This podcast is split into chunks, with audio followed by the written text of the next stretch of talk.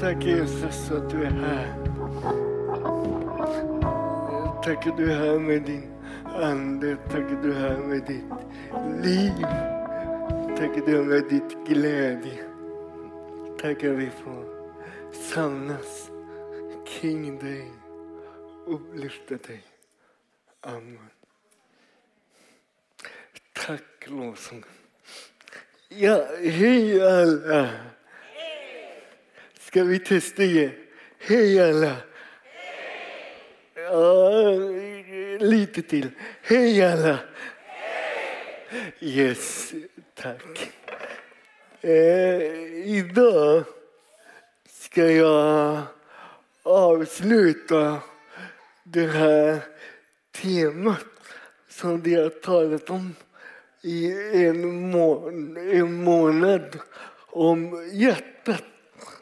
Och eh, vi har talat om att Gud vill för, för, förändra och förvandla våra hjärtan. Eh, och vi läser ifrån psalm 51 där David skriver så här. Skapa i mig, Gud, ett rent hjärta och ge mig på nytt en frimodig ande. Det tror jag att Gud vill göra med oss. Gud vill göra våra hjärtan mjuka. Och Gud vill liksom plöja våra hjärtan. Att han kan plantera det som han vill plantera i oss. Och det som Gud vill ska växa i oss, det får växa. Och detta kan ju vara lite, inte så trevligt alla gånger. Eh, det kan ju vända lite i oss när Gud försöker lägga saker på plats och kanske till och med ta bort en del saker och istället lägga till det som han har tänkt. Och idag ska jag tala om att behålla fokus på Jesus. Så det är, det är en ganska enkel predikelse. Och det är lätt att vi kan tänka att det där kan jag. Jag har hört om Jesus och jag vet att han är ganska viktig. Ja.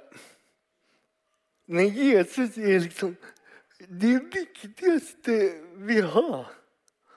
Och vi kan läsa i första Petrus kapitel 3 och vers 15. Så kan vi läsa. Herren Kristus ska ni hålla helig i eget hjärtan. Det är Jesus som kan plöja vårt hjärta. Det som inte vi kan, kan han. inte det härligt? Och eh, vi ska läsa en text ifrån Johannes 15 och jag ska be Hanna komma upp och läsa från vers 1 till 8. Ja. Jag är den sanna vinstocken och min far är vinodlaren. Varje gren i mig som inte bär frukt tar han bort och varje gren som bär frukt rensar han så att den bär mer frukt. Ni är redan nu rena i kraft av ordet som jag har talat till er. Förbli i mig så förblir jag i er. Liksom grenen som inte kan bära frukt av sig själv om den inte förblir i vinstocken, så kan inte heller ni det om ni inte förblir i mig. Jag är vinstocken, ni är grenarna. Om någon förblir i mig och jag i honom, så bär han rik frukt. Utan mig kan ni ingenting göra. Om någon inte förblir i mig kastas han ut som en gren och vissnar. Sådana grenar samlar man ihop och kastar i elden, och de bränns upp. Om ni förblir i mig och mina ord förblir i er, så be om vad ni vill och ni ska få det. Min far förhärligas när ni bär rik frukt och blir mina lärjungar. Tack. Jesus ger många bilder av vem man är. I Johannes kapitel 10 så säger Jesus att jag är den goda herden. Jag tar hand om mina får. Jag ger dem näring. Jag vaktar dem ifrån inkräktare. Det är en väldigt så här fin och stark bild. Och sen i kapitel 14, alltså kapitlet innan detta, så säger Jesus, jag är vägen, sanningen och livet. Och det är liksom starka ord. Och sen säger han så här, just det, en, en liten grej till. En liten grej till. Jag är ett träd. Inte lika spännande kanske. Så att jag har tittat upp lite om träd. Det var min vecka. Jag har till och med sett en SVT-dokumentär om träd. Den kan ni se om ni vill döda en timme. Den var faktiskt ganska intressant. Där det talas om att träd är alltså den viktigaste organismen i hela världen. Det är den äldsta organismen och det är den största organismen. Ingenting skulle fungera utan träd. Träd är också den som ger mest näring till alla andra levande varelser. Nu kanske det blir lite mer spännande. Eller? När Jesus säger att jag är träd. Alltså, jag är det viktigaste i hela världen. Jag är livets källa. Ingenting hade funkat utan mig. Det är det, tror jag, Jesus vill säga. Jag är trädet. Och sen säger han, ni tillhör mig. Ni är grenarna. Ni tillhör liksom det viktigaste som finns. Samma liv som finns i trädet finns också i grenarna. Om någon förblir i mig och jag i honom så bör djup frukt. Han säger inte om ni besöker mig en timme i veckan. Ta lite fika med Jesus en tisdag eftermiddag. Sen löser sig allt. Det är inte det han säger.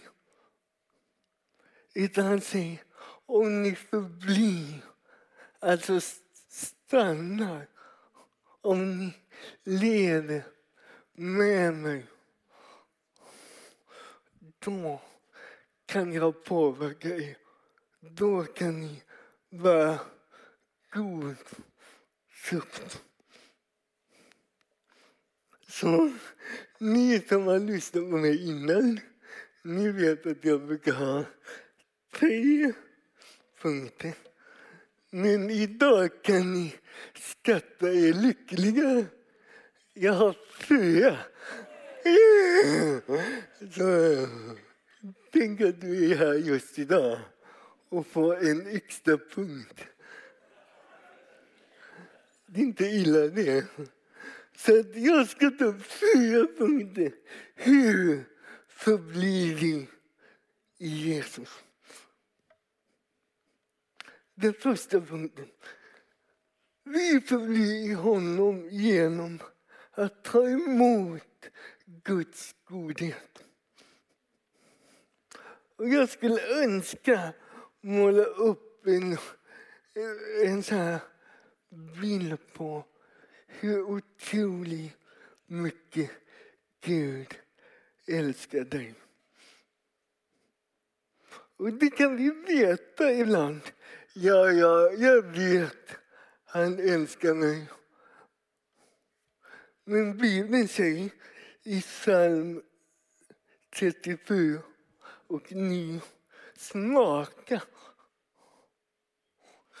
Smaka och se att Herren är god. Salig är den som flyr till honom. Och salig är kanske inte ett ord som vi använder så mycket. Men jag tittade upp i ett lexikon, det kan faktiskt ungefär betyda så här dansande glad.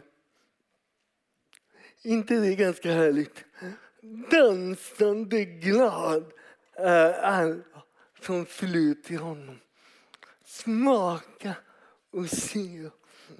Jag tror att Gud vill att vi inte bara ska veta att han älskar oss utan att han vill att vi ska smaka, vi ska erfara hur mycket han älskar oss. I veckan, för någon vecka sedan, så fick jag åka med tillsammans med Elias Kim Niklas till EFKs medarbetarkonferens. Jag kände mig ganska viktig. Eh.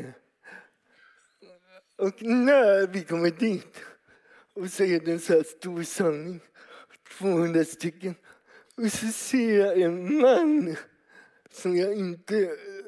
Jag vet vem det är, men jag vet ingenting om honom. Eh, och så får jag en tanke. Vad kommer? Och den tanken är, säg till honom att jag tar hand om hans dotter. Och jag gissar att det är Gud. Men jag är lite feg, kan jag erkänna. Eh, så jag säger inget. Så jag väntar på kvällen. På kvällen så lyckades den här mannen sitta vid samma bord där jag sitter.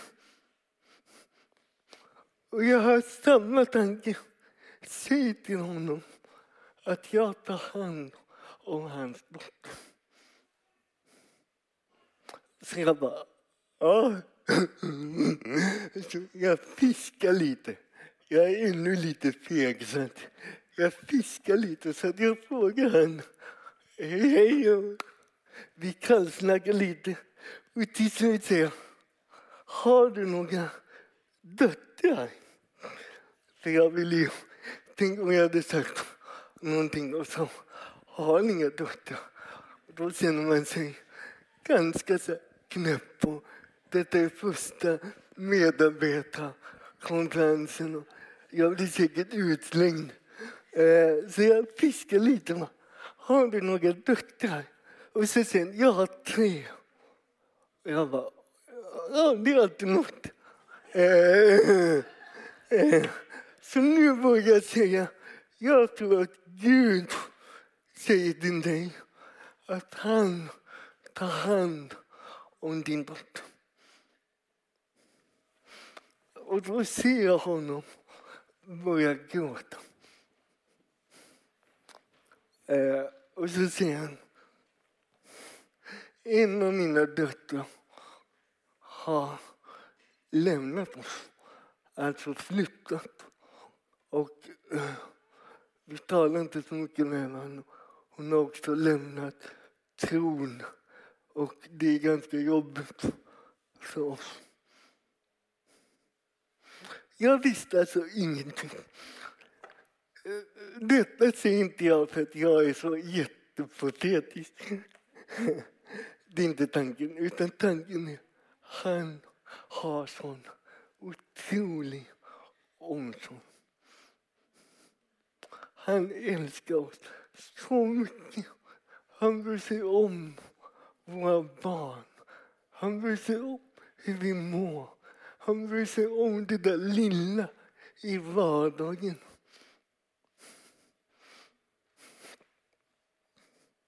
Att ta emot hans godhet, det förblir honom.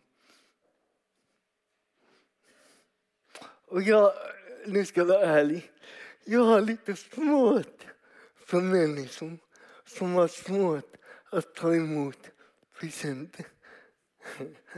Alla har en sån i sin släkt. Eh, eh, eller? Man måste liksom tvinga. Ta du då! Och han eller hon bara, nej, inte ska väl jag. Jag behöver ingenting. Ge den till de fattiga. Det vet. Men det, man kan inte ge. Och jag tror att detta är lite farligt i vår gudsrelation. Den här attityden. Att inte ska väl jag ta emot av Gud. Det krävs lite ödmjukhet att säga jag kan inte allt. Jag vet inte allt. Jag har inte allt. Jag behöver Jesus. Och här skulle jag också vilja slå ett slag för nattvarden. Eh, vi ska inte ha nattvard idag, så det blir lite antiklimax. Men nästa vecka ska vi ha nattvard. Och jag skulle vilja slå ett slag för, nattvarden. för att i nattvarden då är det som att vi kommer med utsträckta händer. Och vi bara tar emot Kristi blod för dig utgivet. Och det, Jesus säger faktiskt så här, så här att i Johannes 6 och 56. Den som äter mitt kött och dricker mitt blod förblir i mig och jag i honom. Så jag skulle önska att vi höjer statusen lite på nattvarden. Låt nattvarden bli en underbar möjlighet att bara ta emot av hans godhet. I nattvarden så säger de, jag kan inte förlåta mina synder, men du kan. I nattvarden säger de, jag kan se sug i min kropp, men ditt kropp kan hela mig. Så det var punkt ett, att ta emot Guds godhet. Punkt nummer två. Vi förblir honom genom bön. Och jag vet att bön kan landa på olika sätt i olika människor. Eh, alltså om jag ska vara lite ärlig igen, alltså bön är liksom... Det är svårt innan. Och jag skulle vilja säga till oss, gör inte bönen till ett krav, krav utan försök att se bönen som en underbar förmån. Vi kan läsa i psalm 16 och 11. Jag mättas av glädje inför ditt ansikte, av ljuvlighet på din högra sida, säger Detta kan faktiskt hända. Detta kan hända när vi tar oss tid för Gud. Att vi kan mättas. Jag tror att bön kan mätta oss som ingenting annat kan. Jag tror också att bön kan ge en glädje och en god eftersmak. Och jag ska bara ge några, några så här praktiska tips när det gäller bön. För det första, tänk att Gud är för dig när du ber. Det tror jag är viktigt. Tänk att han är för dig. Han säger inte nej. Nu kommer den där Jonas igen. Åh. Han bara säger sam, samma bön om och om igen. Jag kan dem i sömnen. Jag orkar inte med detta. Åh.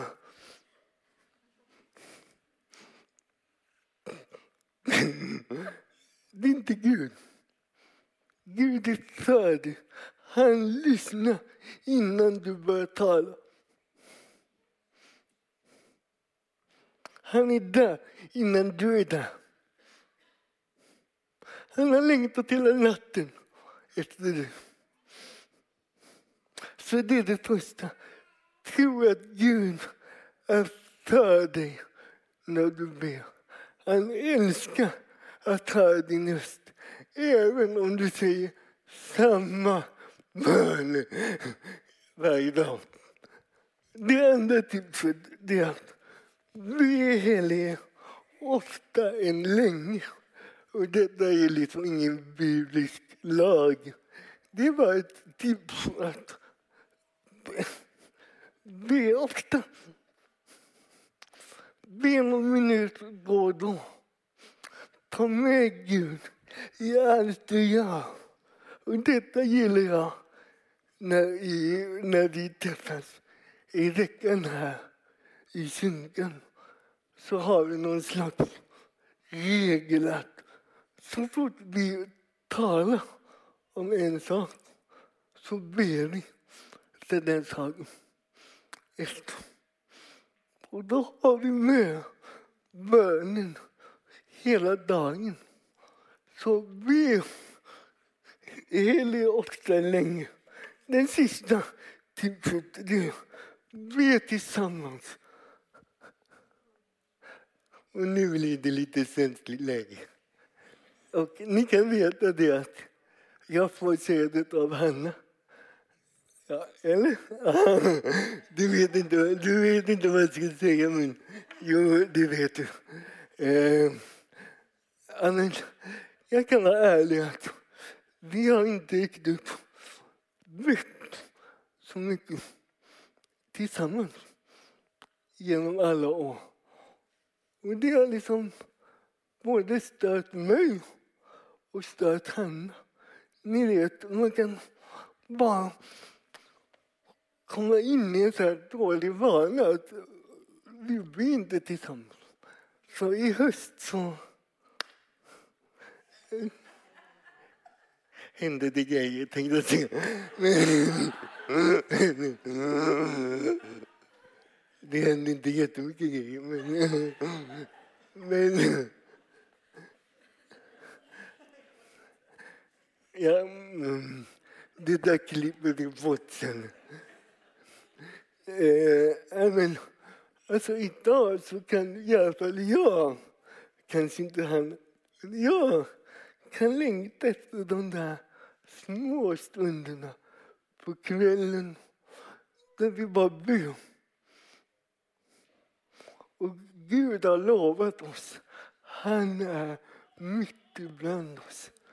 Där två eller tre, det är någonting att vi är tillsammans. Och det är också en sån här liten bonusgrej. Det gjorde att jag kunde inte ha den där andliga mask, masken. Jag kunde inte liksom... Oh, nu, yes! Det gick inte med henne. Utan jag var tvungen att eh, liksom vara normal, tänkte jag säga. Det lät... Men det finns, jag kan säga att det finns olika liksom bön och jag älskar att kriga lite och nedsatt och var alene. Men den här naturliga bönen varje dag med sin fru eller man, med sina barn. Oj, vad den betyder mycket. Så det var punkt två. Vi förblir honom genom bön. Punkt nummer tre är vi förblir honom genom att utmanas och ledas av Guds ord. Vi läste i Johannes 15 att om ni förblir i mig och mina ord förblir i er, så be om vad ni vill och ni ska få det. Wow. Det finns kraft i Guds ord. Ni vet, ni kanske inte har sett det, men jag, jag har sett det. På cigarettpaket är det en jättestor etikett där det står rökning dödar. Har ni sett det? En del nickar lite, andra vet inte vad jag talar om. Men äh, jag skulle vilja ha en samma etikett på Bibeln. En jättestor varningssymbol där det står varning, du kan bli förvandlad. Varning, du kan bli glad. Varning, du kan bli fri från ditt beroende. Varning, du kan möta den helige Ande. Det är kraft i Guds ord.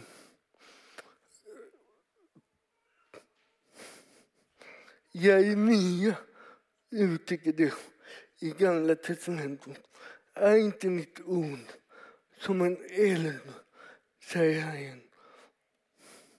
Det är ganska drastiska ord. Oh, det är som en eld. Det som vi talade om innan. Att, att plöja, att bränna upp olika saker i vårt hjärta. Och sen säger han, är ni inte som en slägga som krossar knippan?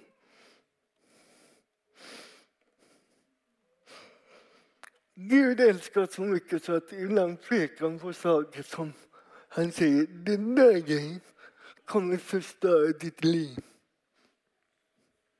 Den vill jag ta bort. Den grenen vill jag ansa. Och återigen, jag tar mig som exempel. Det hände mig i höstas. Eh, ni kanske minns att jag predikade en gång om pengar i september. Och jag, jag hade verkligen liksom eh, läst om detta. Jag hade läst varenda bibelord i hela testamentet som handlar om pengar. Och jag trodde lite att jag predikade till er. Ja, det kan predikanten tro innan, tyvärr att man predikar till er. Men när jag hade predikat så började Gud bara, Jonas, jag talar till dig. Okay. det, det var särskilt ett ord där i första Timoteusbrevet 6 och 8 där det står att har ni mat och kläder ska, ska ni vara nöjda. Det lilla ordet, ganska litet ord, började som en eld. Bara. Och jag fick erkänna att jag inte alls nöjd med bara kläder och mat. Jag vill ha mycket mer. Men jag kan läsa att jag ska, om jag har mat och kläder, ska jag vara nöjd. Jag är inte nöjd. Så Gud fick liksom börja. Och jag kan säga att jag inte är färdig. Men vi har gjort en del förändringar i vårt liv. Där vi försöker bara, ja, har vi mat och kläder, då ska vi vara glada. Vi behöver inte ha all lyx. Vi behöver inte ha det som alla andra har. Och Gud kan tala med olika ord till olika människor i olika tider. Detta kanske inte landar i dig just nu. Vänta bara lite till. Vi kan säga så, den helige Ande, han är den perfekta vägledaren. Han vet när det är läge för vissa grejer. Och då kan det ordet bara ploppa upp. Att man tänker på det dag och natt och den helige Ande jobbar. Det är ett sätt att förbli honom. Den sista punkten, det är vi förblir, vi förblir honom genom att älska världen och att ge Jesus lider. Och här vill jag, jag vill inte dementera mina första punkter. Men jag vill göra ett viktigt tillägg. Så att det är inte så att vi bara ska sitta hemma och be och läsa Bibeln. Det är inte tanken. Och när jag skickade den här predikan till Kim, då sa Kim, men ta upp det här kollektiva. Eh, ta upp att det kristna livet stavas gemenskap. Vi växer genom att dela livet. Vi förblir Jesus genom att älska honom, finnas med i en församling, hjälpa till. Det är så viktigt. Gud har inte tänkt att vi ska leva ett separat liv skilt ifrån hans församling. Utan han har tänkt att du ska vara en kroppsdel i den här kroppen tillsammans. Och Döda havet, nu bryter jag var lite... Det sista jag ska säga är att Döda havet, och detta kanske inte stämmer. Jag hoppas att detta stämmer. Att Döda havet är dött. Stämmer det? Är det någon som vet det? Ja, jag gissar. Jag gissar på namnet att Döda havet är dött. Och så hörde jag en säga så här. att Döda havet är dött för att det finns ett starkt inflöde av näring. Men eftersom det ligger så lågt så finns det inget utflöde. Alltså är det dött. Och det fick mig att tänka, oj, ibland kan jag vara Döda havet.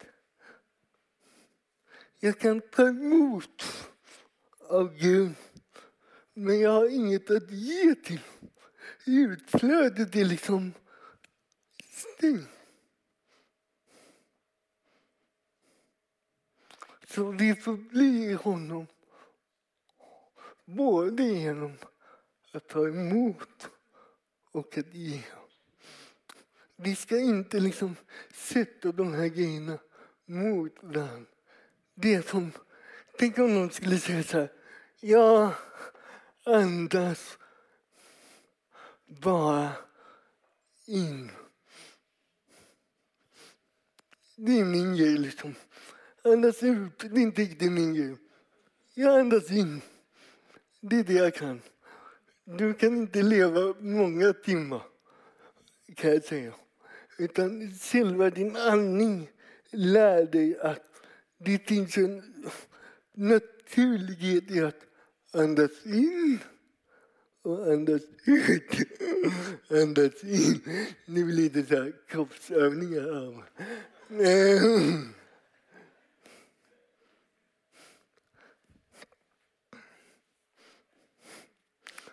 Lovsångerna kan komma upp.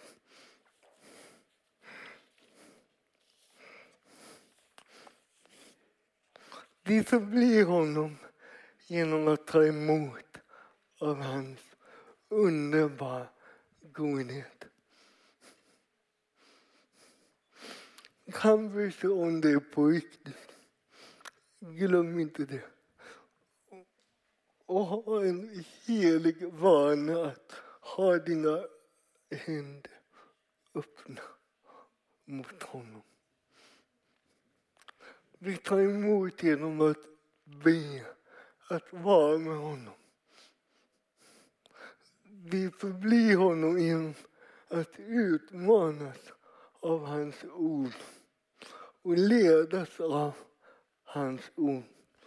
Och vi förblir honom genom att älska honom och att ge Jesus vidare. Tack Jesus att det här får bära frukt i, i oss. Att vi får förbli dig. Att vi får ha dig som helig i våra hjärtan. Jesus. Tack att du verkar just nu med din helige Ande bland oss.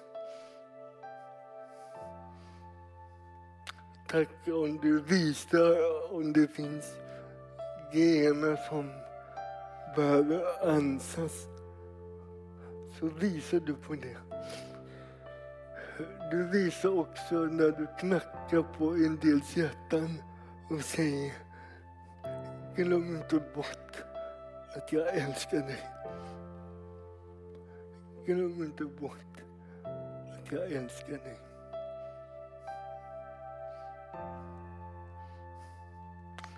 Tack är du här.